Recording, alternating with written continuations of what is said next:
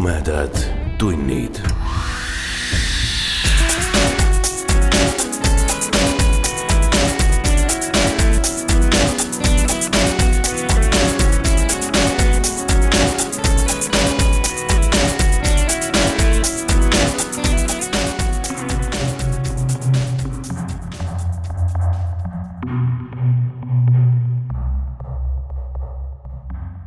tere, hea ulmesõber. Te kuulete õudus, ulme ja põnevusjuttude vestmis podcasti Tumedad tunnid kahekümnendat osa. mina olen saatejuht Priit Öövel. nagu lubatud, alustame tänast osa meie raamatuloosi võitja väljakuulutamisega. raamatu Hirmu ja õuduse jutud kaks, mille on välja pannud kirjastus Fantaasia, on endale võitnud Kalev Repp. Kalev Repp, palju õnne teile, võtame teiega esmaspäeval ühendust või kui te juhtute meid kuulama varem, siis võite ka ise juba kirjutada meie sõnumitesse oma telefoninumbri ja selle, millisesse pakiautomaati te sooviksite, et me selle raamatu teile saadaksime. veel kord palju õnne. esimene loosimine läks niisiis väga hästi ja ma panin tähele, et selliste loosimiste läbiviimine mõjub ka podcasti tervisele, jagamisele ja tuntuks saamisele päris, päris hästi. niisiis ma otsustasin sellega jätkata. kahjuks ei õnnestu meil iga kord välja jagada uusi ja värskeid kirjandusteoseid, aga oma reisidel vanavarapoodidesse olen ma kohanud päris palju ulme- ja õudusraamatuid mille keegi kuri inimene on oma kodusest raamaturiiulist välja visanud.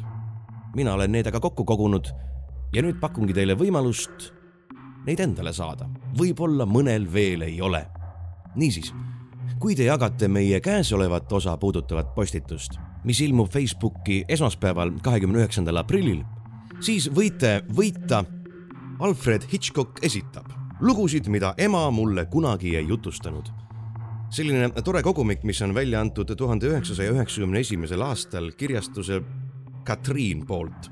selles väikeses raamatukeses on kokku neliteist õudus- ja ulmelugu maailma tippkirjanike poolt, nagu näiteks Ray Bradbury, Roald Dahl, Joseph Payne Brennan ja teised. Neid raamatuid on mul suisa kaks tükki välja anda, nii et kui te tunnete, et teil see veel raamaturiiulist puudub, siis taaskord jagage meie postitust ja kirjutage kommentaaridesse jagatud. tuletan igaks juhuks meelde, et raamatud on kasutatud ja näevad välja täpselt sellised, nagu üks tuhande üheksasaja üheksakümne esimesel aastal välja antud raamat välja nägema peab. ma arvan siiralt, et kõik leheküljed on siiski nendes raamatutes alles. ja enne kui me läheme tänase loo juurde, üks asi veel see asi on nüüd nii uus, et tegelikult ei julgegi sellest väga kõva häälega rääkida. ei ole ta meil veel ka sajaprotsendiliselt valmis, aga juba töötab. minge ja vaadake internetileheküljele patreon.com kaldkriips tumedad tunnid. sealt saate aimu, millised on meie tulevikuplaanid ja kuidas teie saate nende plaanide teostumisele kaasa aidata täpsemalt ja suuremalt äh, saab sellele leheküljele reklaami teha tõenäoliselt juba meie järgmises maikuu lõpus ilmuvas osas. aga te juba minge vaadake. Patreon.com kaldkriips tumedad tunnid. aga nüüd aitab lobast ja lähme tänase osa juurde. mina ja Aiki Penno loeme teile Karen Orlau põnevusloo Erak ja nõid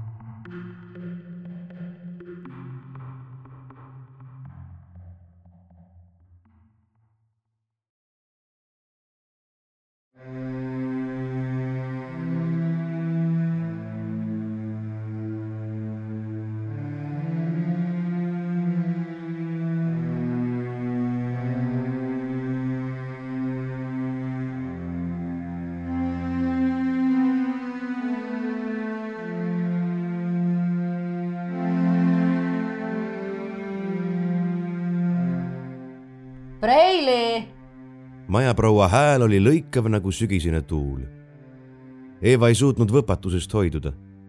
üürilise elu ei olnud selles vanu häid saksa traditsioone, ja Eeva meelest kohati ka keskaeglikku inkvisitsiooni vaimu austavas majas meelakkumine. Preili, kas te ei kuule? ma kohe tulen. Eeva kiirustas trepist alla ja lõi mõttes risti ette. Teile on kiri. Tänan teid väga. siiras tänupuhang selle eest, et seekord nii kergelt pääses. ta oleks äärepealt kirja võtmata üles-tagasi lipanud, aga õnneks tuli see talle enne meelde. proua pangutas pead, aga ei hakanud seekord tuulepäist noorust noomima, vaid ulatas üürilisele ümbriku kiri näpu vahel sulges Eeva ettevaatlikult oma toa ukse ja surus siis selja selle vastu. kindlam tunne oli. Eeva vähesed kirjad olid mõne kohusetundliku koolikaaslase korrespondents, millele ta tavaliselt ei vastanud. seega ei oodanud ta seekord midagi erilist. saatja nime vaadates tundus, et ta ei eksinud. Liis, ilus, särav, seltskondlik tuulepäine ja tühine. Liis oli varemgi kirjutanud, kui reisimas oli. Eevale jäi siiani arusaamatuks, miks ometi. Aga ju see oli siis mingis seltskonnas kombeks. mitte midagi tähendav, kallike, kuidas sinul läheb? mida kirjutatakse oma sada korda ümber ja saadetakse siis peenelt lõhnastatud ümbrikutes erinevatele aadressidele, et seltsi elu üleval hoida. tema puhul oli see paraku tänamatu töö Eeva voltis helerohelise paberilehe lahti ja heitis kirjale ükskõikse pilgu. siis hakkasid ta vasaku käe sõrmed värisema. Eeva oli lapsepõlves hundikoera käest hammustada saanud. arme polnud enam näha, aga käsi valutas külma ilmaga ja suuremast närvipingest võisid sõrmed värisema hakata. see oli uskumatu, aga Liis kirjutas soo tagast soo taga oli juba mitmeid aastaid Eeva ainukeseks kireks. kõik need kummaliselt lõhnevad ürikud, mis ta oli arhiividest ja kirikutest üles otsinud. Vanadusest kollakas pruunid ja haprad, tint kohati loetamatu. ühe raamatu oli ta isegi Jakobi antikvariaadist varastanud, nähes seal mitmel lehel nime Sottaka. tegu, mida ta südamepõhjani häbenes aga tal poleks eladeski olnud ausaks ostuks vajalikku raha sest vanal Jakobil olid linna kõige kallimad hinnad ja vaeste tudengineiude vastu oli vana juut liiga tõre, et lubada mõnd lehekülge ümber kirjutada. Siit-sealt olid Eeval kokku kogutud üksikud ladina ja saksakeelsed ülestähendused, fraasid kirikuraamatutest, Tartu maakohtu otsustest, ühest mõisamaja raamatust, vihjed mõnest uuemast kirjast, vähesed loetud laused. Neis lausetes peitus Eeva suur võimalus. Eeva elus ei olnud palju võimalusi.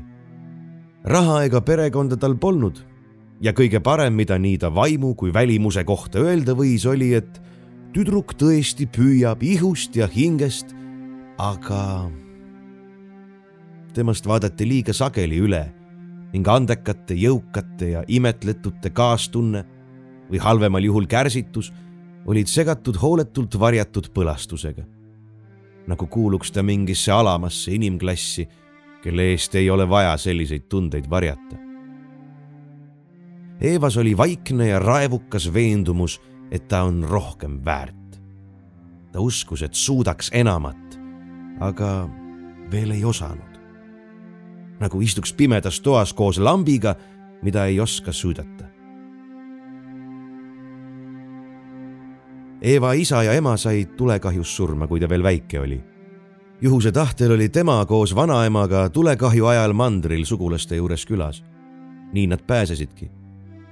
Ja kolisid Saaremaalt linna, et mälestuste eest põgeneda. vanaema hoolitses tüdruku eest hästi, kuid oli sõnakehv ja sünge. ta ei saanud oma kaotusest üle ja leinas vaikselt. Eeva aga kasvas ja unustas vana naise jaoks võõristama paneva kergusega. vanaema ei suutnud sellest aru saada ega ka päriselt andeks anda. ühel kevadel jäi vananaine voodisse ja arstid ütlesid, et sealt ta enam ei tõuse. surmalõhn muutus haigetoas iga päevaga tugevamaks. surivoodil rääkis vanaema Eevaga rohkem kui varem. Eeva emast, kodukülast, oma lapsepõlvest, sugulastest, üksjagu monotoonselt ja ilma selge järjeta, just nagu keriks tehtud uuesti silme eest läbi. Võib-olla polnud see, et keegi üldse kuulas, tema jaoks tähtiski. Eeva aga kuulas huviga ühel õhtul jutustas vanaema midagi uskumatut. ta ise pidas seda lihtsalt seigaks suguvõsa ajaloos. Eeva jaoks oli see aga midagi hoopis olulisemat. mu äiapapa, sinu vanaisa isa Andreas oli karm mees, natukene sinu moodi, vaikne, aga uhke. tal oli meie juures raske, saarte kombed on ikka teised tema tahtis omaette olla nagu metsakandi rahval tavaks. pealegi oli ta tüdruku laps ja seda peeti süüks, nagu oleks temal ema pattudes osa olnud. tüdruku laps. päris Eeva. vanad lood pakkusid talle huvi. Aeg oli nõidus, mis kunagi nii tavalistest eludest muinasjutud tegi. kas seda teati, kes ta isa oli? vaarisa päritolust teadis ta vaid nii palju, et too pärines kusagilt mandrilt. vanaema polnud rohkemat rääkinud, sõnakehv nagu ta oli. nüüd ei paistnud tal pärimise vastu midagi olevat. inetu lugu, üks külamees olla linnas laadapäeval noore tüdruku ära meelitanud. Tüdruk ise vandus jumala keeli, et tegu oli nõiatrikiga. kes see sellist juttu usub? nime oli ta kuidagiviisi teada saanud, see olla Matteus. aga seda, kes mees oli ja kust pärit, seda mitte. pärast olla mees kadunud nagu tina tuhka, ei muud kui rumal tegu tüdrukust. vanaema heietas omaette edasi. Aga Eeva ei kuulnud peale Matteuse nime enam mitte midagi. ta sirvis sageli rahvajuttude kogusid mida kursusekaaslased oma retkedelt kaasa tõid. soo taga kandis ringi rännanud Valter oli leidnud huvipakkuvaid jutte mehest, kelle nimi oli Matteus Steinberg, rahvasuus vana Matt. meest peeti vägevaks nõiaks. Matteus elas soo tagas, Vanakülas, millalgi kaheksateistkümnenda sajandi alguspoolel. täpseid daatumeid Eeva ei mäletanud. aeg ligikaudu klappis, kant ka üks vanamoor, kelle jutu Valter hoolikalt oli üles kirjutanud, ütles muuseas, et mehe sees olla sedava emeväge olnud. Valterile tegi see nalja, aga Eevat erutas, et soo tagas oli veel inimesi, kes teadsid vanast ja vähelevinud paganlikust uskumusest, et nõiaväge annab maaema, müütiline olend, kes on esa päikese valguses, viljakuse ja elu jumal lell kuupaistel, aga võigas surmajumalus. ühtaegu elu andja ja võtja, sünnitaja ja tapja. kohati kummaliselt sarnane India maa Kali Shiva kaksolendiga. Maaema on ka ugride müütides üks süngemaid jumalusi, kelle algne kuju rahva hulgas peaaegu täiesti ununenud oli mõnes kandis teati maaema kui viljakuse jumalat kes ta ka päikesevalguses oli. aga tema öine pimeduse pool oli unustatud. kui öine maaema ei hävitanud, vaid sünnitas, oli ta ihuvili võrdselt hirmuäratav. ta lõi koletisi, elavaid surnuid ja andis elavatele väge võigasteks veritegudeks ainult viikingitel oli säilinud üksikuid müüte öisest maaemast, keda kummardati koletisi sünnitava hiidenaise Angrbodana. siin-seal leidus vihjeid, et nii päike kui kuu piirasid öiste koletiste tegutsemist, aga kuidas, sellest ei sõnagi. uskumuse järgi ei andnud ema väge ainult ühele inimesele, vaid verele. see oli kingitus, mida anti edasi põlvest põlve. igast põlvkonnast võis üks, kas siis see, kes kõige ahnem, targem ja tugevam ning jõudis kõige esimesena või see, kes oli selleks valitud, teha läbi nõiaks saamise rituaali. seda peeti üheks öise maaema kingituse salakavalaks küljeks. ahnus ja võimuiha võisid õhutada vaenule oma vere vastu ja vennatapulegi.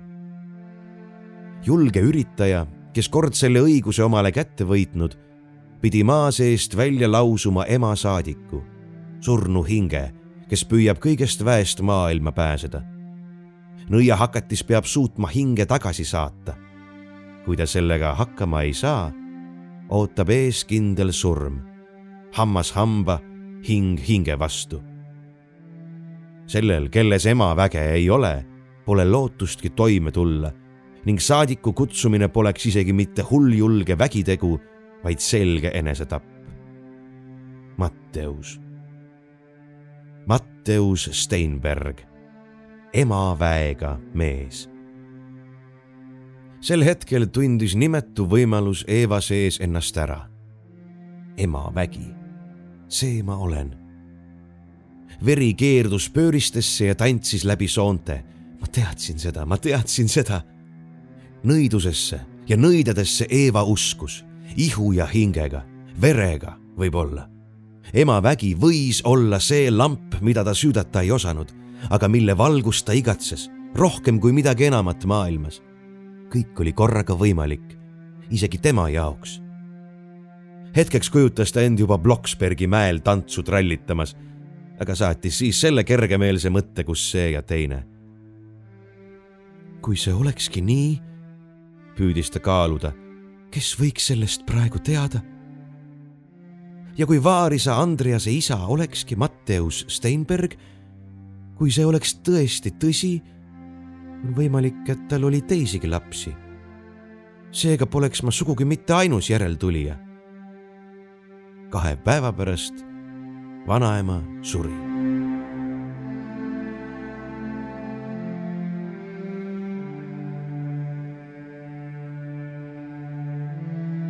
Eeva leidis peagi, et Matteus Steinbergil oli siiski olnud tütar. Juliette Steinbergi oli lihtne leida. ta elas oma isa kodus Vanakülas ja oli umbes sajaaastane. külarahvalt kuulis Eeva, et peale oma ainukese poja surma oli naine täiesti hulluks läinud Eeva juubeldas sisimas. Matteusel, emeväega mehel polnud rohkem järeltulijaid. nüüd oli vaja kinnitust, et Andreas tõesti kõikide Matteuste hulgast just Vanaküla Matteuse poeg oli. see oli ülesande raskem osa. kui Eeva vana naist vaatama läks, ei saanud see ühtegi mõistlikku sõna suust. Eit oli muldvana, lumivalgete juuste ja kontrollimatult värisevate kätega hambutust suust kostus ainult mõttelagedat lalinat. temalt ei olnud võimalik midagi teada saada. Hullusest hoolimata oli vanaides midagi, mis mõjus Eevale kerge elektrilöögina.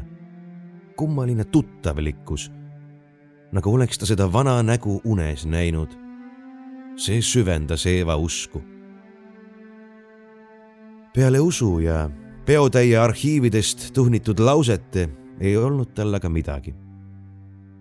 ema saadiku kutsumise rituaali ta tundis. Arhiivides oli sellest üksjagu täpne üleskirjutus. aga juhul, kui ta kavatses seda kõike täiesti tõsiselt võtta, siis pidi tõe pähe arvestama ka hoiatust. hammas hamba ja hing hinge vastu. kui sinus pole ema väge võid üritamise asemel sama hästi oma käega paela kaela panna.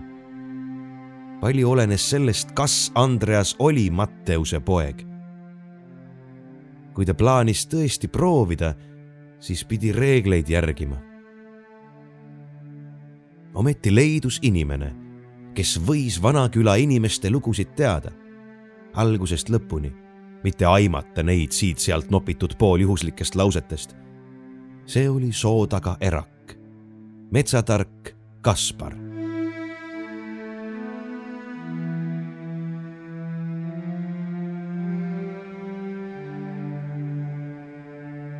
Vanaküla üksikud alles jäänud talud asusid hajali soo taga metsaserval või suisa laanes. siin-seal oli maha jäetud talukohtade varemeid. aja jooksul olid pered liikunud suurele teele lähemale asuvasse sookülla. Valter Eeva kursusekaaslane oli kuulnud, et kui erak metsast välja tuli, läks ta just Sookülla, et oma varusid täiendada. Eeva ei kaalunud pikalt, vaid sõitis kohe Sookülla ja nägi seal kõvasti vaeva, et teda Kaspari juurde juhatataks. mitte ükski külaelanik ei olnud nõus kohale viima. erak ei lubanud inimesi enda juurde. temaga võis kokku saada, kui ta juhuslikult Sookülla tuli. aga millal see kord jälle juhtub, ei osanud keegi öelda. võis minna aastaid, enne kui erak metsast jälle väljas käis Eeva oli uudishimulikule Valterile ja teistelegi suitsukatteks hakanud kirjutama uurimistööd Vanaküla suguvõsadest. teemaks käis küll ja õigustas ta abipalveid, et kui keegi leiab midagi, mis võiks teemaga seotud olla, mitte et ta eriti lootnud oleks. ka Liisule oli Eeva maininud, et Vanaküla ja eelkõige Kaspar on tema jaoks huvitavad. aga see tundus talle ka rohkem ühest kõrvast sisse, teisest välja jutt sest Liisu punapea oli selleks liiga poisse ja pidusid täis, et talle midagi muud pähe mahuks. ja nüüd korraga see kiri. Eeva võttis kirja kindlamini kätte ja luges veel kord läbi. tere, Eeva. kirjutan sulle, sest sain imehäid uudiseid. loodan ainult, et ei jää nendega hiljaks. õnneliku juhuse tahtel ei hakka sellest praegu pikemalt rääkima. kohtusin su erakuga küllap oli aeg soodne, sest sain ta nõusse, et ta võtab su vastu. loodan, et see teeb sulle head meelt.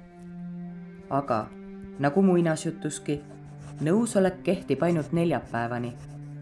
peale seda rändavad ta pikemaks ajaks jälle Sooküla kandist kaugemale metsa. nii et kiirusta, kui tahad teda näha. pean tõesti veel rõhutama, et ta on tujukas ja võib üht öelda ning teist teha. temaga rääkida ei ole lihtne ole ettevaatlik ja peaasi, ära lase ennast heidutada, vaid ole julge ja aja oma asja. uurisin külas natuke maad. kohalikud usuvad, et Kaspar võib inimesele tema minevikku ainult silma vaatamise järgi ära rääkida, siis kui tuju tuleb. ja kohalike inimeste elulugusid teadvad ta peast. just see, mis sind huvitab. õnne sulle, Liis ta kägardas kirja kokku. mis imenipiga tuulepäine sõbranna Kaspari käest kokkusaamise välja meelitas. võib-olla oli tarvis lihtsalt õigele ajale sattuda ning seda Liis juba oskas. mõnikord tekitas see ikka veel tuska, aga eesmärk pühendas abinõu. kui Eeva ükskord sihile jõuab, siis õiendab ta arved kõigiga, alates ülbest kadakasakslikust majaprouast ja lõpetades ennast täis tarkade ja andekatega.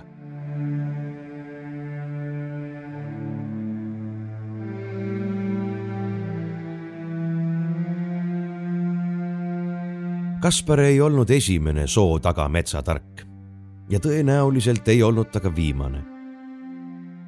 iga senine erak oli endale enne surma õpipoisi muretsenud, kes vanamehe koha üle võttis, kui aeg tuli esimese vihje soo taga erakute kohta leidis Eeva Kaudia kiriku raamatust. sissekande daatumiks tuhande kaheksasaja kolmekümnenda aasta jõulukuu. sealt võis lugeda järgmist. Kaudia pastor, kelle kõrvu kostusid jutud eraku jumala võõrast eluviisist, läinud ausa karjasena eksinud hinge valgustama, kuid teel oli näljase hundi karjaküüse langenud edasi oli kirikuraamatutes paar märget, mida võis üsna kergesti erakutega seostada. tuhande kaheksasaja kuuekümnendal aastal lisandus koguduse hingekirja keegi Madis, elukohaks soo taga.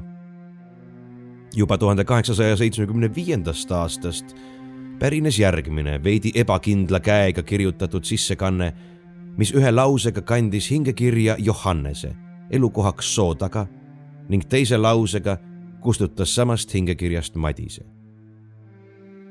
peale Johannest, kes elas oma eellasest veidi kauem, tuli Märten ja peale Märtenit Kaspar. et aga Madis ei olnud kaugeltki mitte esimene erak, selles oli Eeva üsna kindel. ühes Kivimäe vanimas legendis oli küll väga ähmaselt mainitud metsatarka kui aga erakud oma lugusid põlvest põlve edasi andsid, võiks Kaspari käest Kivimäe elanike kohta rohkem kuulda kui kirikuraamatutest või hilisematest kirjadest, päevaraamatutest eales leida võinuks. Eeva poetas Liisa kirja kaminasse, sest majaproua ei sallinud tühja pahna ning asus pakkima.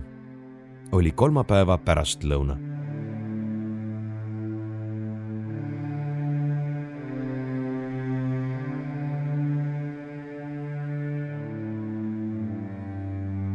neljapäeva varahommikul astus soojalt sisse mähitud Eeva Sooküla jaamas rongilt maha.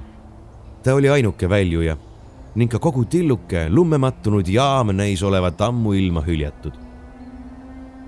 ilm oli just nagu loodud tema uurimise retke jaoks. selge, karge, aga mitte väga külm. Eeva lootis, et see on hea enne. küla redutas jaama külje all kuid teda polnud lihtne leida. ümberringi laius kuusik ning jaam pesitses keset lund nagu jäänuk ürgajastust. Õnneks mäletas Eeva õiget suunda ning leidis sisse tallatud raja, mis hangede vahel loogeldes ning aeg-ajalt padrikusse sukeldudes külani viis. peale pikki lunimisi ja veenmist, et Erak ise tõepoolest olla loa andnud, õnnestus Eeval lõpuks üks talumees leida kes ta hirmkõrge tasu eest kohale lubas viia. Eeva tegi südame kõvaks ja ladus kogu kaasa võetud raha mehele peo peale. järgi tulemisest mees keeldus ja neiule ei jätkunud edasiseks keelitamiseks raha. vanamees andis talle paar tõrvikut nii-öelda kauba peale, et kui ta juba nii hull on ja eraku juurde tahab minna, siis saab ta sealt ise mööda saani jälgi tulles tagasi ka. tavaliselt olid külainimesed palju lahkemad ja nii ka Sookülas. aga sealtkandi rahva jaoks oli üks tabu, erak.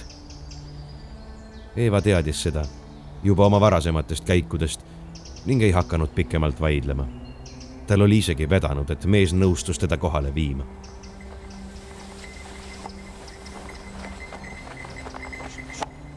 hobune rassis aegamisi läbi paksu lumevaiba habemikul aga, kes ohje hoidis ja suksut edasi nõõtes, oli aega küll. pehmed lumemütakad igihaljastel okstel seisid metsahiiglased nagu sambad kõrge helevalge katuse all. siin-seal paistis lumiste latvade vahelt erksinine talvetaevas. soo taga mets oli iidvana. nii vana, kui siin maal üldse miski saab olla ning ta talvevärske lõhn oli segatud aja eneselõhnaga. Eeva suutis vaevu vasaku käe sõrmede värisemist talitseda. lõpuks jõudsid nad suuremale lagendikule, mille servas seisis vana, kühmu vajunud palkmaja. korstnast tõusis suitsusaba. peremees oli kodus. mühakas talumees ajas Eeva sealsamas lagendiku serval maha ja keeras sõnalausumatu otsa ringi Eeva oli nii elevil, et ei hakanud õieti vastugi, vaid asus leplikult läbi lume maja poole sumpama. lumekrudin kõlas ümbritsevas vaikuses kõrvulukustavalt valju. ta koputas madalale, laiadest laudadest uksele, olles enne siiski aknast sisse piilunud. vaikus. ta ootas natuke ja koputas siis uuesti, surudes kõrva vastu ust messasest uksest musutad, kostus pilges hääl. otse Eeva selja taga seisis laia habemega vanamees, kes mõõtis teda ülalt alla ja siis jälle alt üles. vabandust, ma ei kuulnud, kui te tulite, pomises kõnetatu. oli narr tunne ukse taga kuuletades vahele jääda. veel hullem, kui erak nägi teda aknast sisse piilumas teine vaikis ja vaatles teda edasi. oli siis asja kah? päris ta lõpuks.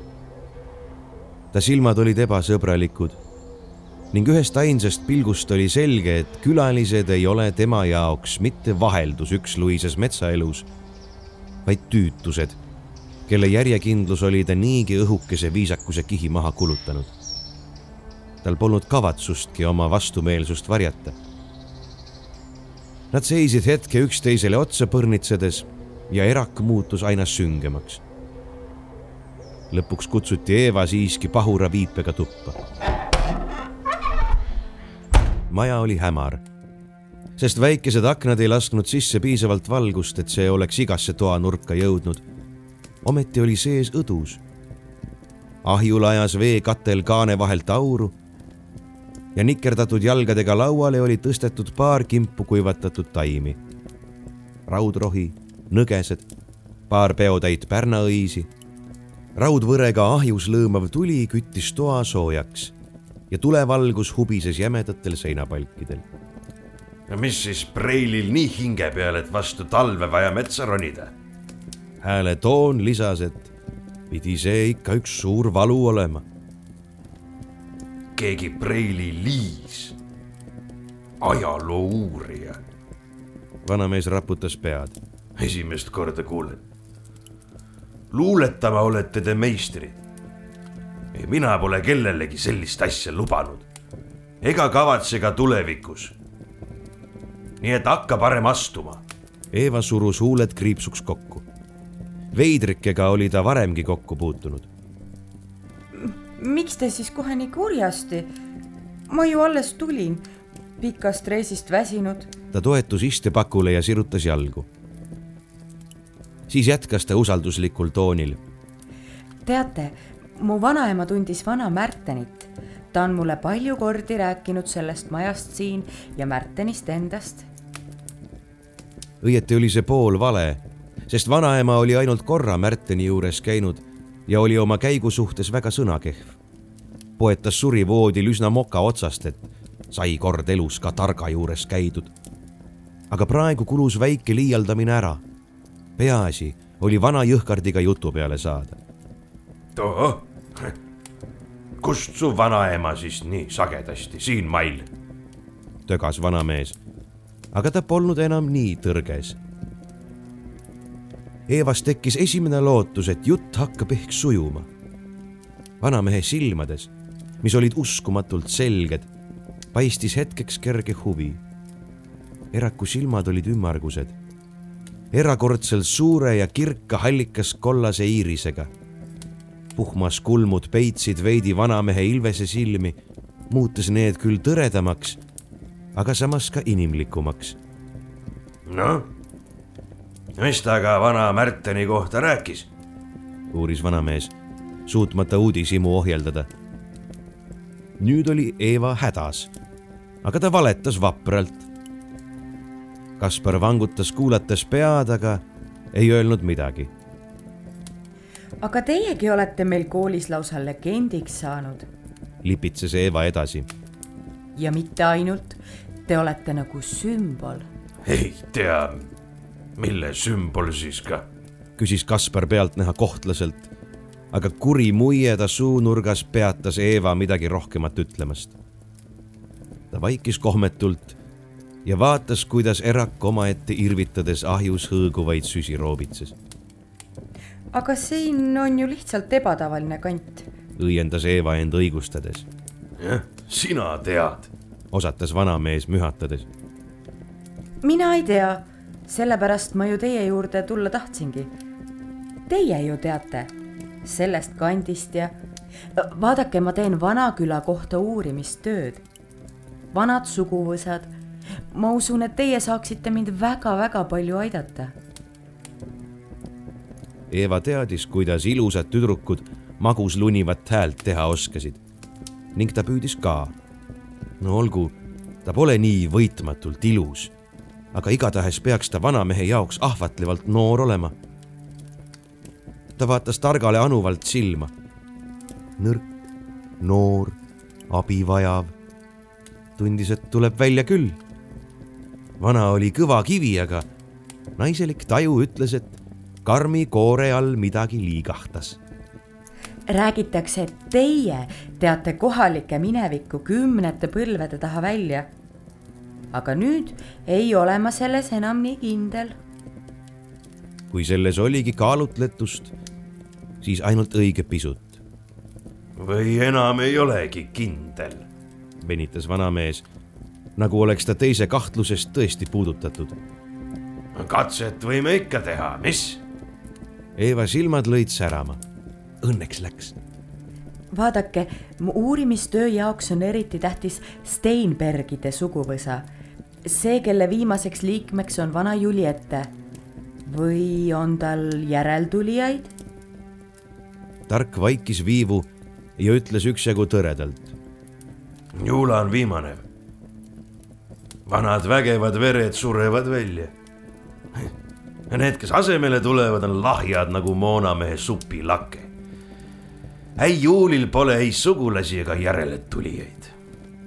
suurepärane, oleks Eeva tahtnud hüüda, aga see jäi õnneks hammaste taha kinni. kas te Matteusest teate midagi? uuris Eeva edasi. Johannes ja tema võimalik eellane elasid siin just sel ajal. külas räägitakse, et Matteusel olnud sohipoeg ühe Raivere naisega, kelle nimi oli Kadri Prikk. Kadri läks poeg Andreasega Saaremaale elama. kas see vastab tõele? uurimistöö, urises tark kurjalt. mis sa sest Matteusest uurid? Pole sul teda tarvis. hakka õige astuma, ma olen sinu jutust väsinud. ta keeras tüdrukule selja ja kohendas tuld. palun. hüüatas Eeva õnnetult. Ta ei osanud midagi peale hakata. ma tõesti väga palun. mühakas selg ei liigatanudki, mine põrgu oma palumisega teatas vanamees kõigutamatult. ja hakka minemisega pihta, uks on seal. Eeva põlvitas targa ette alandlikult maha ja palus veel. vaadake, mu pere on kõik surnud. ainus, mida ma nende heaks teha võin, on neid mäletada. Ma pean juba nende pärast teada saama, kas Matteus oli mu vaarisa isa. Raivere Andreas nimelt on minu vaarisa. Eeva lootis, et selline imal hale jutt murrab vanamehe vastupanu korraga tundus talle aga, et oli olnud liiga ettevaatamatu, liiga omas kinni. midagi muud oleks pidanud märkama. Andreas, Raivere Andreas, röögatas Erak uskumatult suitsu vahtides. siis möirgas ta naerda nagu hull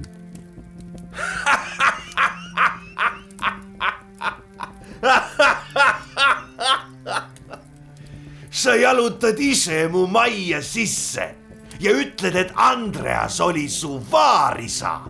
jumalad naeravad. siis oled sina, Reo, ju ka Steinbergide värd. Ma aimasin, ma aimasin kohe, aga ei uskunud. kähises Kaspar kokku surutud huulte vahelt. ta kirus omaette hämmeldunult ja põhjalikult kurat! Eeva ei pannud teise vandumist tähele, vaid juubeldas sisimas. ta oli saanud, mis tahtis. ta oli kunagiste Kivimäe nõidade ainuke järeltulija. tões ja väes ja vaimus. Suvel võib ta rituaali läbi teha ja sealt eluga välja tulla, auga, võimuga. ometi kord tõelise kaheldamatu võimuga. aitäh abi eest. ei taha rohkem tüli teha peangi hakkama tagasi minema, et enne pimedat külani jõuda. miski alateadvuses sosistas, et parem on kiirustada. Eeva ei näinud, kuidas Erak ukse ette jõudis. aga seal ta seisis, silmad kurja kuulutavalt kiirgamas. veel üks Steinbergide lehtsaba, käratas vanamees vihast keedes. tulid siia oma mürgihambaid teritama tulid ise üle minu ukse läve. Eeva hakkas tõsiselt kartma. veidriku tuju, nagu Liis kirjutas. vanamees oli ju hoopis hull ja ajas jaburat juttu. kui nüüd ainult kuidagi siit minema saaks lohuta ennast sellega, et sinust poleks nagunii suuremat asja saanud. kähvas vanamees. õige nõid haistab ohtu saja penikoorma kauguselt Eeva tundis, et vanamees räägib tõtt. sest ta sai alles nüüd aru, kellega tegemist oli. selle peale ei olnud ta tulnudki. oleks võinud, oleks pidanud. ürtide raske lõhn oli haistmismeelt uinutanud. Aga hammustusarmide valutamist oleks pidanud märkama. tuli koldes lahvatas madalaks. vanamehe silmad muutusid aga üha säravamateks. Nad kiirgasid kuldkollaselt ja raevust laienenud pupillides paistis punast. üha kasvav kollaselt kiirgavate silmadega koguneis täitvat tervet ruumi ja kirbe koirohu lõhn tuimestas Eeva meeli. Õlgadele rõhuv raskus surus ta aeglaselt põlvili. ta püüdis vastu hakata, kogu oma paanikas ärganud jõudu suunata, kuid see ei läinud korda. just nagu oleks paariaastane laps püüdnud näljase hundiga võidelda. lõplikult alla andis ta alles siis, kui oli kummuli maas nägu õlale keeratud ning suutis kogu teda ümbritsevas pimeduses näha ainult kahte kuratlikult kiirgavat silma. Kui Soerd oma kihvata tuiksoonde surus, plahvatas Eeva peas meeletu valguse kera ja hetkeks nägi ta kõike sellisena, nagu see tõeliselt oli. seoseid, tähendusi ja punast tuikavat verd, mis kõike seda sidus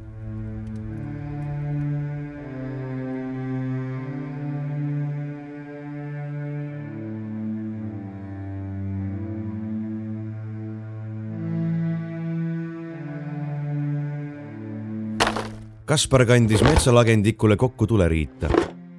see meenutas talle neid aegu, kui inimesi nii maetigi.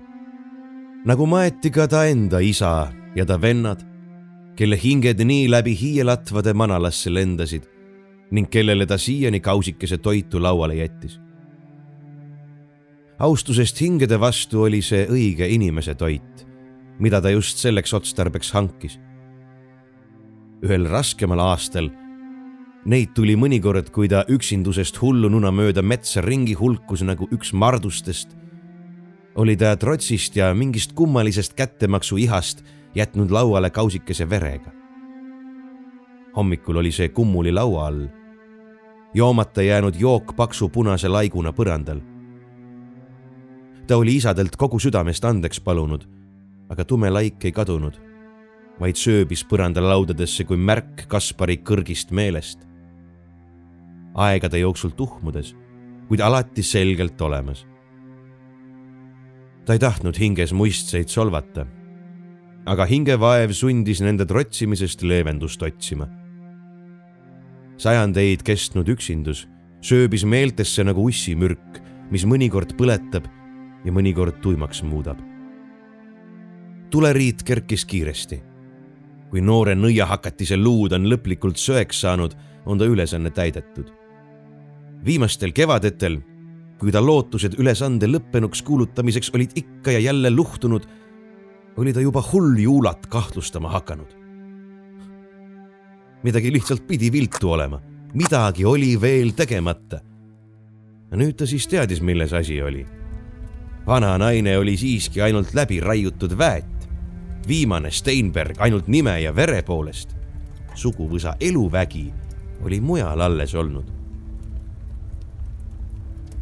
Leek noolis naise riideid ning Kaspar viskas austuse märgiks Steinbergide matusetulle peotäie pihlakamarju. sest vastane oli olnud visa ning elujõuline. nagu kolme peaga madu, kes iga maha raiutu asemel kaks uut kasvatab. Õnneks oli Kasparil aega, terve igavik, kui vaja ning Steinbergid olid kõigest surelikud surelikkus oli põlastusväärne. sellepärast saigi Kasparist Lell-Kuu poeg. aga see juhtus kunagi väga ammu. Juula pojaga oli asi kerge. lihtsameelne poiss ei olnud metsast eemale hoidnud ja langes Kaspari saagiks just siis, kui hakkas ohtlikuks muutuma. Kaspar tabas ta siiski enne seda, kui noormees ema saadikut välja kutsuma hakkas. väge oli temas küll aga sellel väel ei olnud veel suunda ja selgust. seega sai Kaspar poisiga kergesti hakkama. pikka aega uskus ta, et on suguvõsa eluväedi läbi lõiganud. vanast naisest ei saanud peale ta poja surma enam täit inimestki, rääkimata muust. tema peale ei olnud mõtet end raisata. võimalik, et kaasa kõneles ka mingit sorti halastus. viimane Steinberg, kelles nimes peitus kummaline kahetsus, mälestused. aeg läks nii kiiresti ja surelikud olid nii haprad. ainult tema oli omamoodi igavene alles aastakümneid hiljem sai ta teada, et vanal Matteusel oli tütrele lisaks ka sohipoeg Andreas. küllap lootis Matteus, kes oli tänu oma kahtlustavale hingele tõele üsna lähedale jõudnud, et niimoodi jääb vähemalt üks laps Kaspari eest varjatuks. pikka aega oli see tõepoolest nii. ta sai sohile jälile juhuse tahtel, kui Andrease pojanaine kord tema, tollal Märteni jutule tuli kurtes, et ta meest painavad kurjad vaimud. Kaspar oli aimanud, kellega tegemist. aga isegi siis oli ta kõhelnud ja viivitanud, enne kui Andrease poja pere majaga koos maha põletas. Uhke matuseriit oli. ta oligi vahepeal liiga hooletuks muutunud. tahe oli muutunud jõuetuks ja sogaseks paistab, et tänu sellele hooletusele oligi tal üldse võimalus täna Eevaga kohtuda ta arvas, et tüdruk jäi koos vanematega tulle, aga ei kontrollinud. küllap oleks see kohtumine aset leidnud varem või hiljem, aga hiljem olnuks Eeva võib-olla tugevam. Praegu langes ta nagu ohvritall. leegid tõusid kõrgele ning tegid oma töö. Kaspar seisis riida kõrval ja vaatas kuu ümmargust ketast ta oli väga väsinud. pikk uni koos unustusega, mida see mitmeteks kuudeks tõi, oli ainus, mida ta igatseda oskas. aastate möödudes oli talveuni, lell kuu vanemate laste viis puhata ja jõudu koguda, muutunud paratamatuseks. ning iga kord oli see üha pikem ja sügavam. sest iga aastaga muutus olematus tema jaoks üha ahvatlevamaks. värske vaim uuesti sünd, mida Lell lubas välja valitutele. nagu noor kuu, mis peale vana kuu kadumist taevasse tõuseb. Igavene uus algus koos vana elu teadmiste ja kogemustega, aga uue elujõuga jäi tulemata, kuni ta ülesanne oli täitmata. nüüd võis Kaspar kindla lootusega kevadet oodata. töö oli tehtud ja vaev lõppenud tuli kustus pikkamisi. Erak peitis lõkkekoha lume alla. Siis asus ta teele oma talvekoju, et maa alla kaevatud salatuppa ase teha. riivid kukkusid kinni. pihlaka oks oli üle koopaläve kaardu. paksud karunahad ootasid asemel. kõik oli valmis. siis ta juba magaski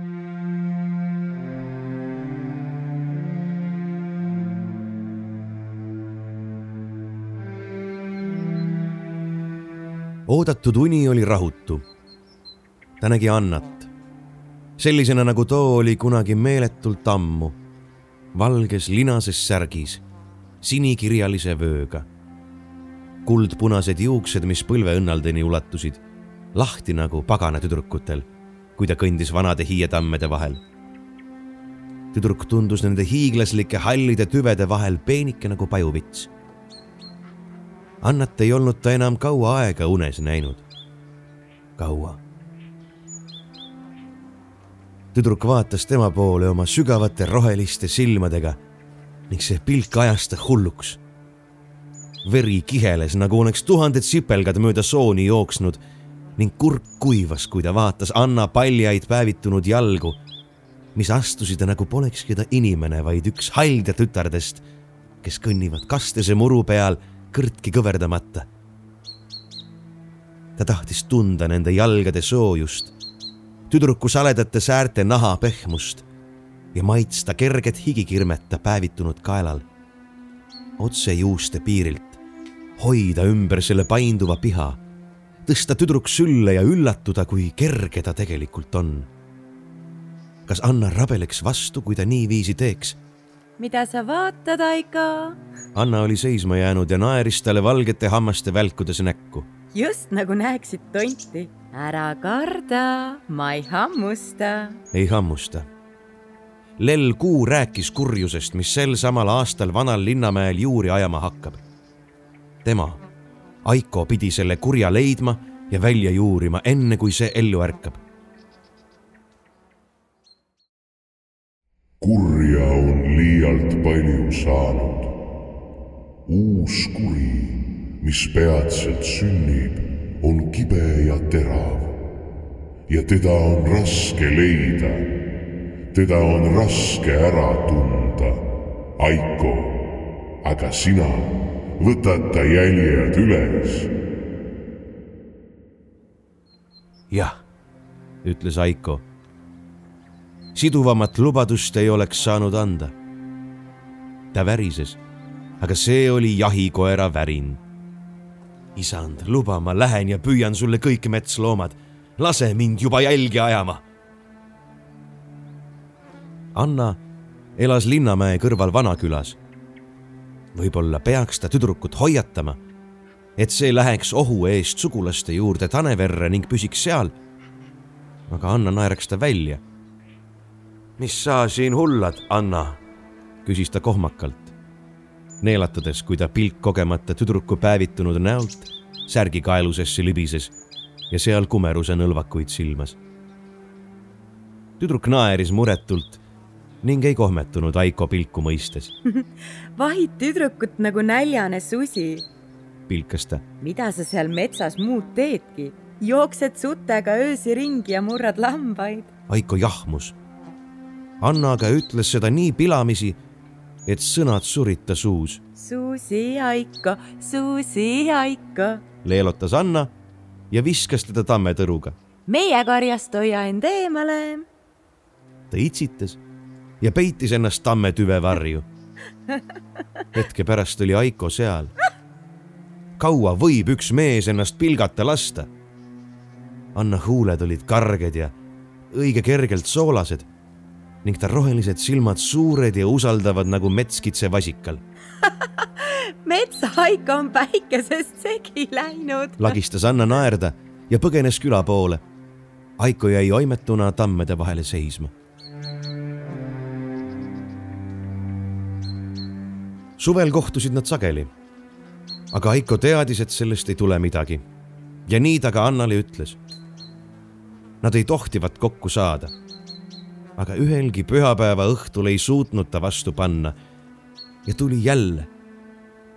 iga kord oli see üha parem. iseenese ja seaduste tagant varastatud hetked, mil ta iga südamelöögi juures soovis, et aeg peatuks. ometi oli see just tema ise, kes teadis halastamatu kindlusega, et ei saa ega taha end iial ühegi surelikuga siduda hoolimine tegi haavatavaks. ja tema oli oma osa juba kuhjaga kätte saanud. rohkem ei olnud vaja. Aiko oli pühitsetu. iga kord, kui ta lasi end ahvatleda teadmisest, et mõne hetke pärast on Anna tammede juures, kuum ja joovastav nagu lunastus ise, rüvetas ta oma sidet Lelle endaga ja muutis end nõrgemaks. Aiko oli oma pühendumusele uhke olnud ta vaim oli olnud vahe ja särav nagu mõõgatera ning see sogane vesi, mis ta hinges keerles, alandades tahet järele andma, jättis kurku rüveda maitse. väljavalitutele ei olnud määratud end surelikega siduda. ta tuletas seda endale kogu aeg meelde ning see andis sageli ettekäände hiide minekuks. pahe, millest ta kohe lahti saab, kohe aga mitte veel sellel õhtul. sügisel said nad siiski viimast korda kokku. Aiko otsus oli küpsenud. ta oli seda oma isekuses karastanud ja sellel õhtul oli see valmis saanud. Anna kuulas vaikselt, rahuliku ja isegi veidi hajameelse ilmega. ainult pisarad voolasid üle põskede Anna oli siiski mõistlik. ega kurtnud sõnagi ja Aiko oli selle eest tänulik. kesa pealt vaatas tüdruk tagasi ja viipas Aikole, kes ühtaegu kartis ja lootis, et Anna pead pööraks ning oli hinges kummaliselt rahul selle nõrkuse märgiga. ta uhkus oleks riivatud, kui tüdruk oleks lahkunud kordagi tagasi vaatamata.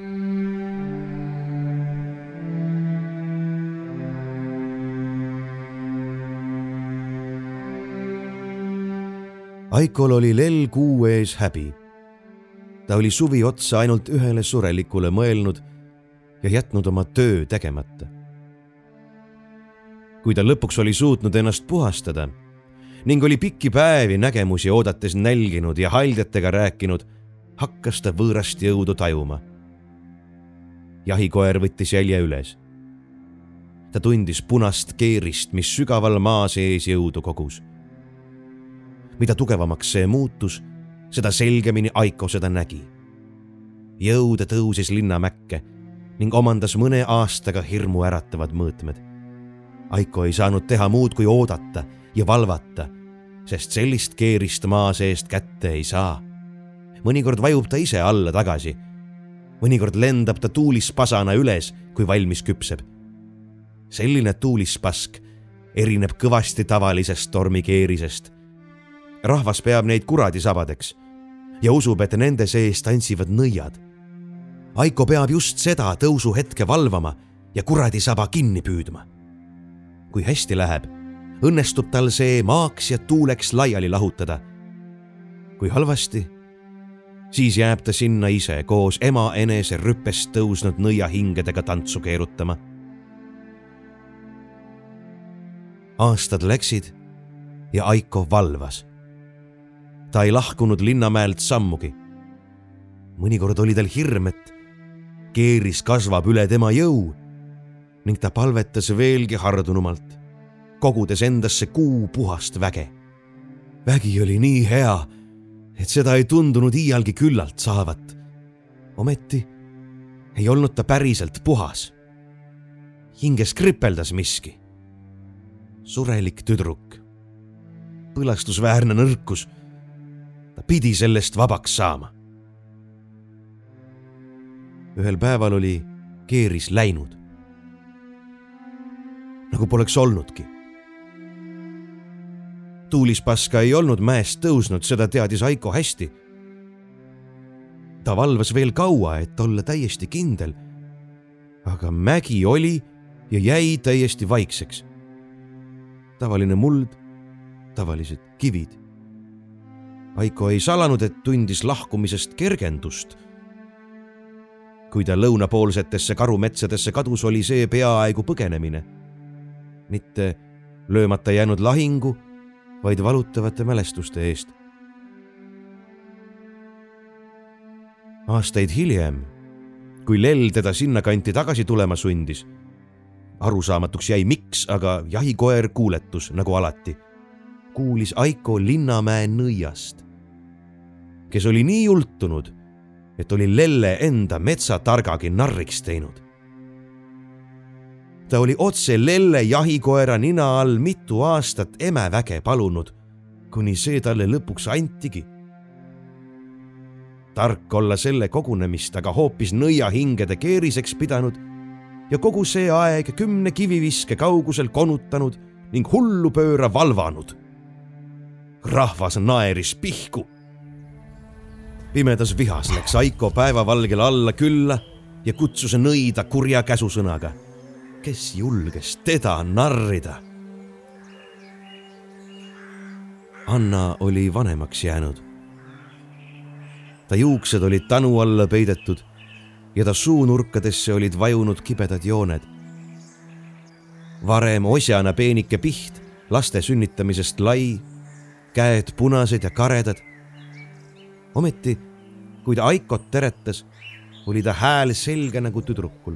tere, sa tondipüüdja naeris Anna teda, vaadates hundile silma. see võinuks vaatajale ohtlik olla. aga Anna teadis, mida tegi ja kuidas seda teha. Aiko kiunatas ja põgenes saba jalge vahel metsa.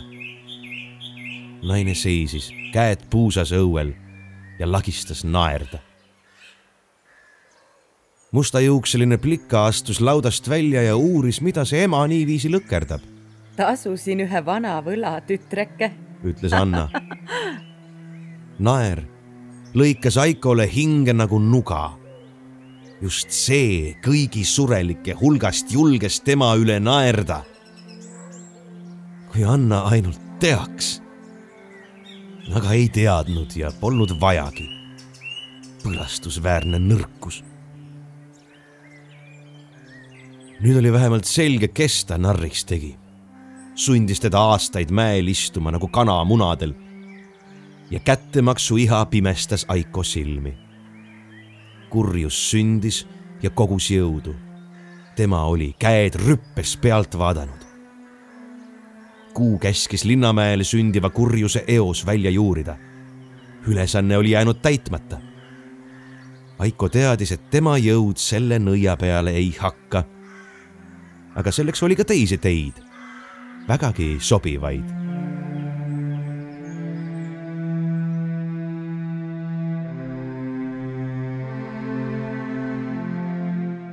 tulele mõeldes meenus talle alati üks ammune öö, mil Vanaküla, toonane uhke Läitse maani maha põletati. võõrad ründasid ootamatult. Aiko isa ja vennad langesid esimeste hulgas, sest nende maja seisis otse metsa veeres. ema ja õed tapeti enne, kui nad seda ise jõudnuks teha ja hiljem, kui nad seda tahtnud oleksid. Aiko, pere seitsmes poeg, oli ainus, kes ellu jäi ema peitis poisikese vanemate vendade laipade alla, riisudes neilt relvad ja ehted, mis võiksid võõraid ligi meelitada. poiss kössitas seal hinge kinni hoides ja kuulas õdede abitut raevu. iga hetk oli ta peidust välja kargamas, aga lõpuks ikkagi ei julgenud. ja keegi ei arvanud heaks tulla linastes töösärkides surnukehi puistama.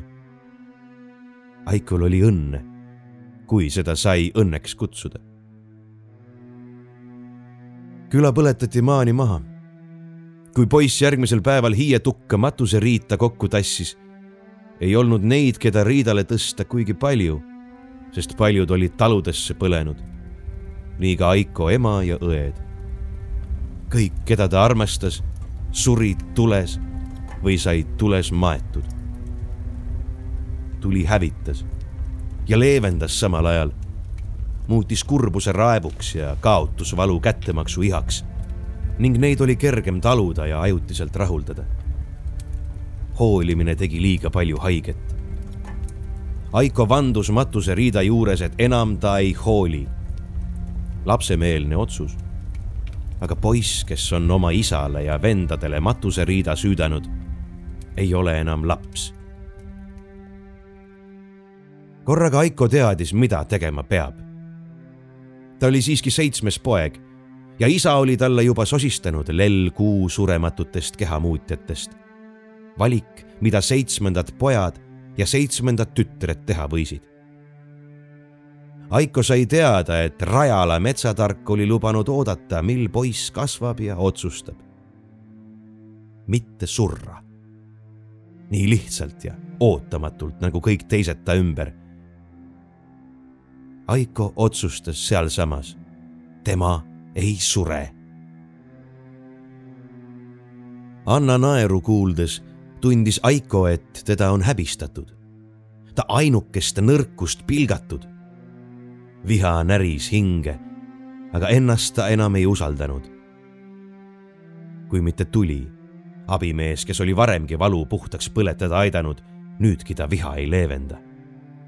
seekord oli tal võõrastega ühine vaenlane ja ühine abinõu.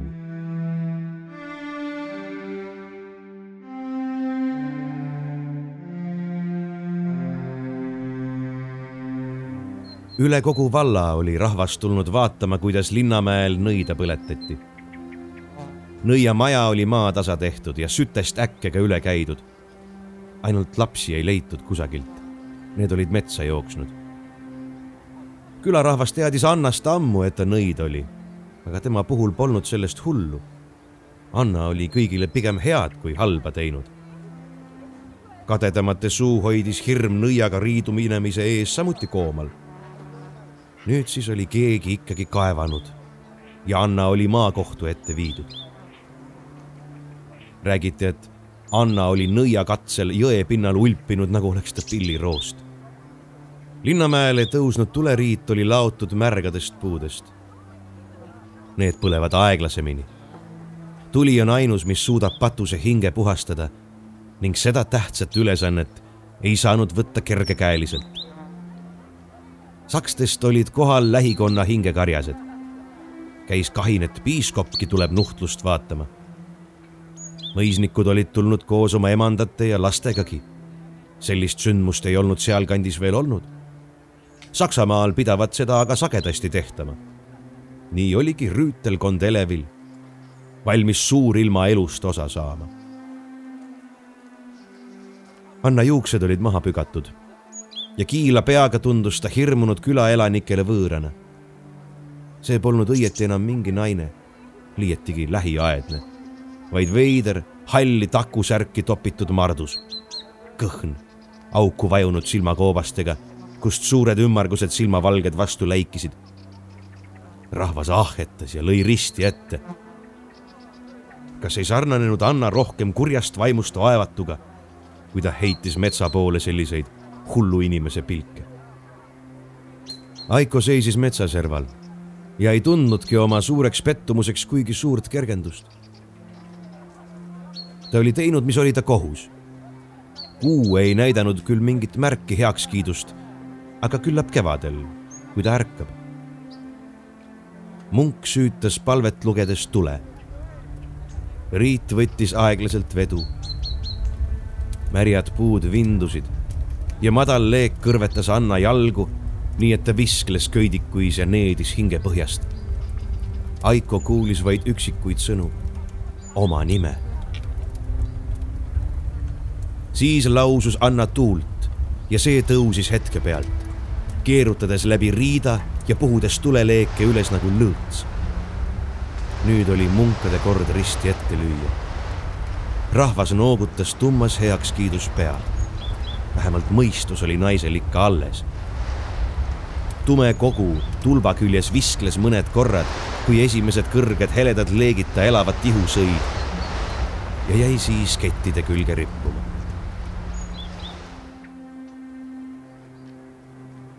Keegi ei olnud päris kindel, kes külarahvast tõi esimesed kivid. aga kivihunnik kerkis lausa päevadega. igaüks, kes mööda läks, tõi kangrusse kivi kes toojate sisse nägi, kas sündis see hirmust või armust. kirik tõlgendas kommet kui pahameele avaldust, olgugi veidi paganlikku ja ei käskinud kangrut laiali tassida. Nii ta sinna jäigi ja kasvas ajapikku. kevadel ei näidanud kuu Aikole mingit märki. ta otsustas, et oli jälle olnud liiga nõrk ja kahelnud oma ülesannet täites viivitamatult sööstis ta Anna lapsi otsima. ühe, tollesama mustajuukselise tüdruku, keda ta varem taluõuel paterdamas nägi, sai ta peagi kätte. poissi ta aga ei leidnudki ning arvas peale pikka otsimist, et küllap see metsloomade saagiks langes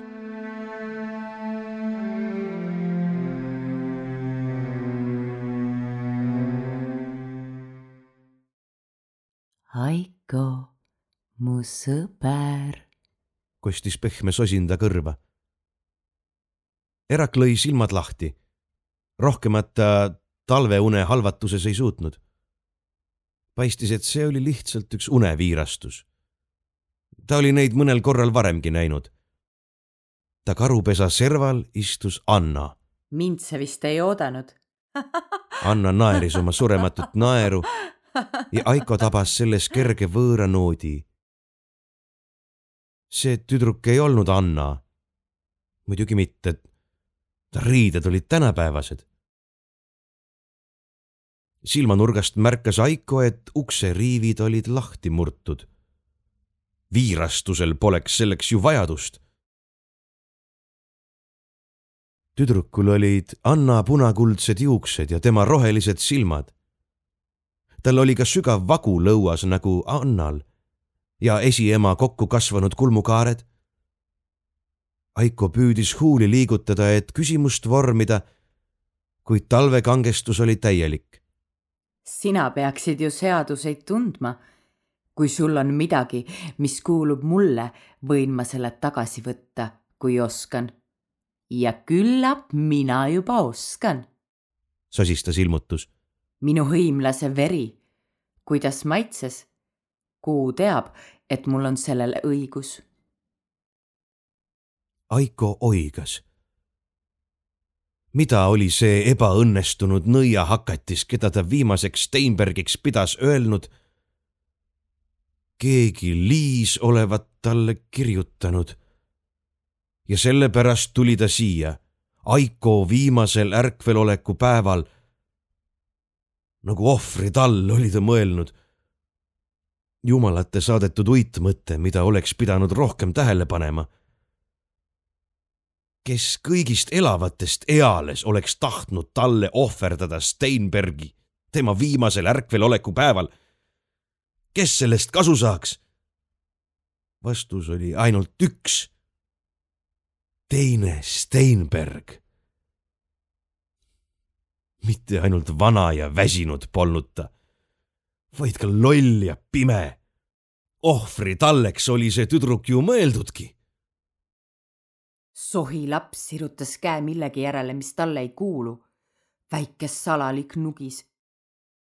Steinbergide pärand kuulub mulle ja mina lähen seda ema käest sisse nõudma mõtlesin, et teen sulle enne veidi head meelt. no ja endale ka.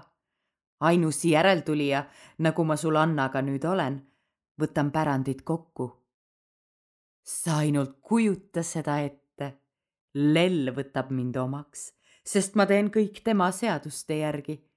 ja ema võtab mind omaks, sest mul on õigus nõuda, kui ma olen piisavalt tugev. ja kuulapsed on ju tugevad nurrus Elisa talle kõrva. vana Juuli palus sind tervitada ja edasi öelda, et sa lõpetaks oma kuu poole vahtimise. Lell ei kõnele sinuga enam kunagi, sa vana narr, sest sa otsid kurja valest kohast. Juuli kartis, et kui ta seda sulle ise ütleb, siis äkki sa arvad, et ta ei olegi enam nii väga hull. oma vanuse kohta on ta päris hea tervise juures, selles olen ma kindel ja mälu on tal hea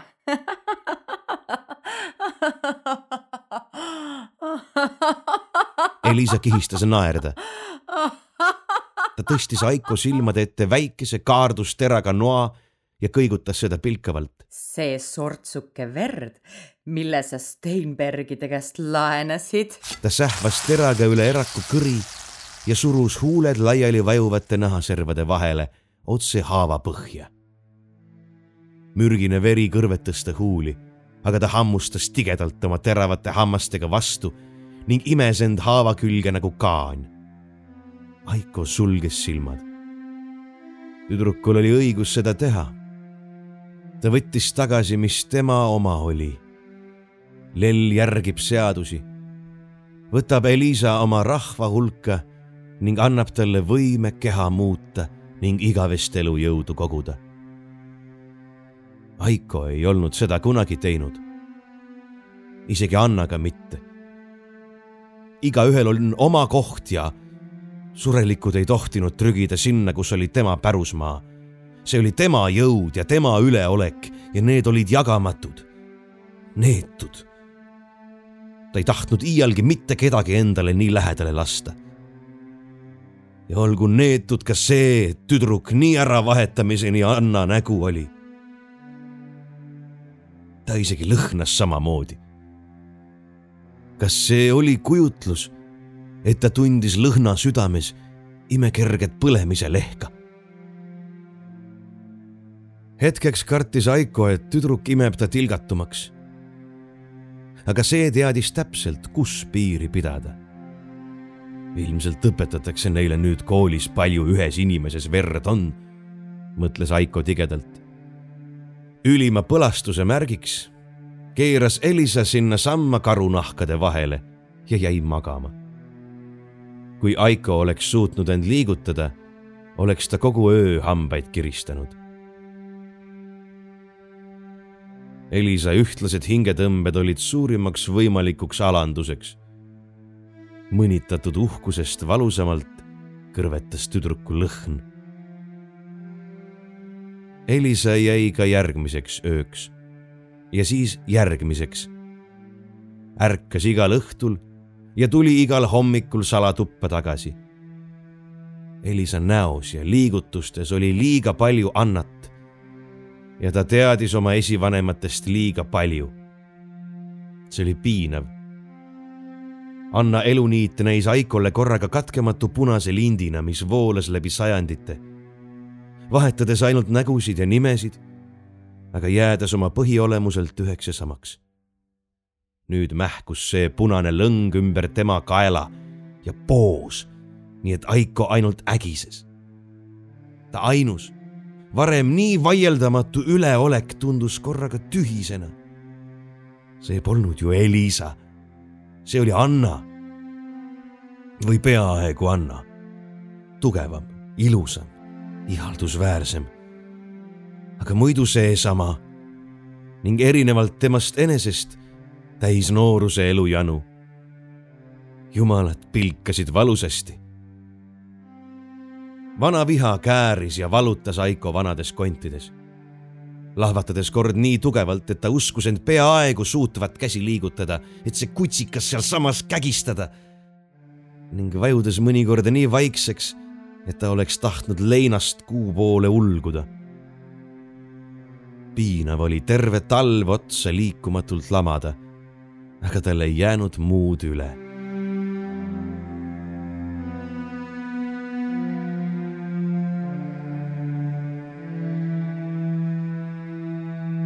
kevadel ärkas Erak ühel hommikul, lootes leida Elisa oma kõrvalt.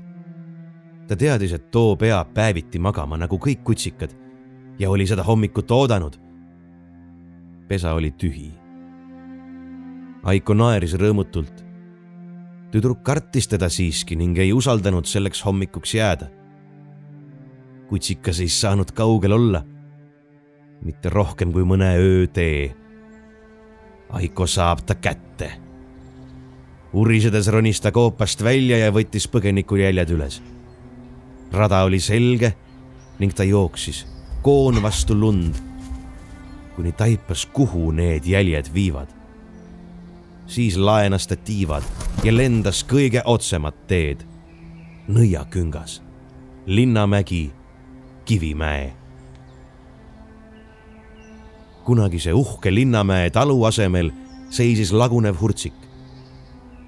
vana naine ootas ukse peal ja tervitas väravapostile maandunud kulli.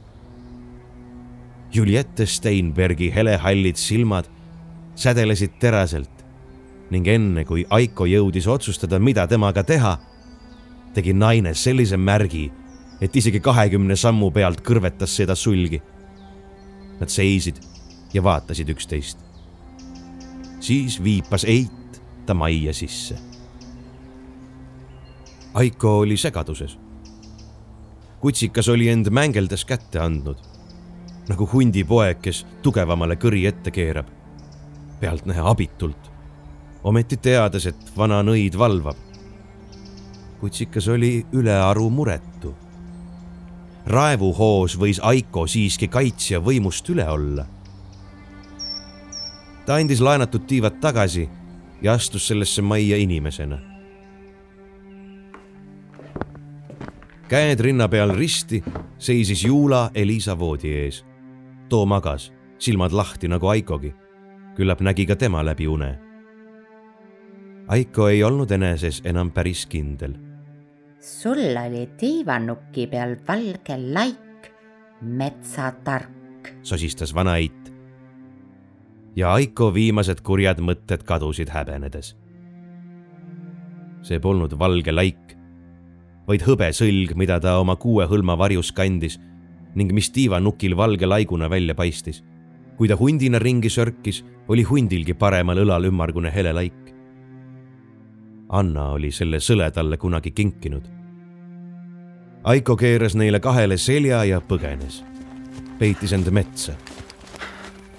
kõik, mida ta unustada tahtis, meenus pilkava selgusega ning ta sai aru, et hoolimata oma pingutustest ei olnud ta tegelikult mitte midagi unustanud. peidetud ja salatud lein murdis välja ning ta ulgus pikalt, meenutades armastatu lõhna ja lähedust. anna mulle andeks. see oli ainult mõte, sest hundikoon ei suutnud seda sõnadeks vormida. hämardus. kuusirp tõusis taevasse ning Aiko sirutas kummalises kergendustundes koonu selle poole. ta teravatipulised kõrvad liikusid rahutult ning ta kuulis üle sadade aastate esimest korda kuuhaldjate vaikseid hääli. Nad sosistasid Aikole, et ta on lõpuks ometi oma töö lõpetanud.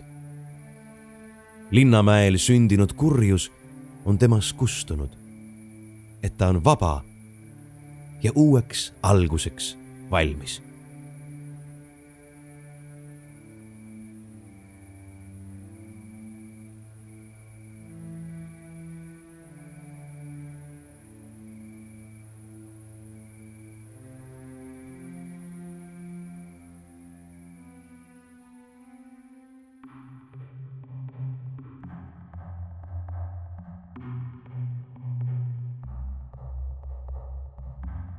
ja ongi tänaseks kõik. minge külastage meie Facebooki lehte, jagage meie postitusi, meie osi, tutvustage meid oma sõpradele ja osalege ühtlasi ka Alfred Hitchcocki koostatud õuduslugude kogumiku loosimises. ja minge vaadake sinna teisele lehele ka patreon.com kaldkriips tumedad tunnid. Kuulmiseni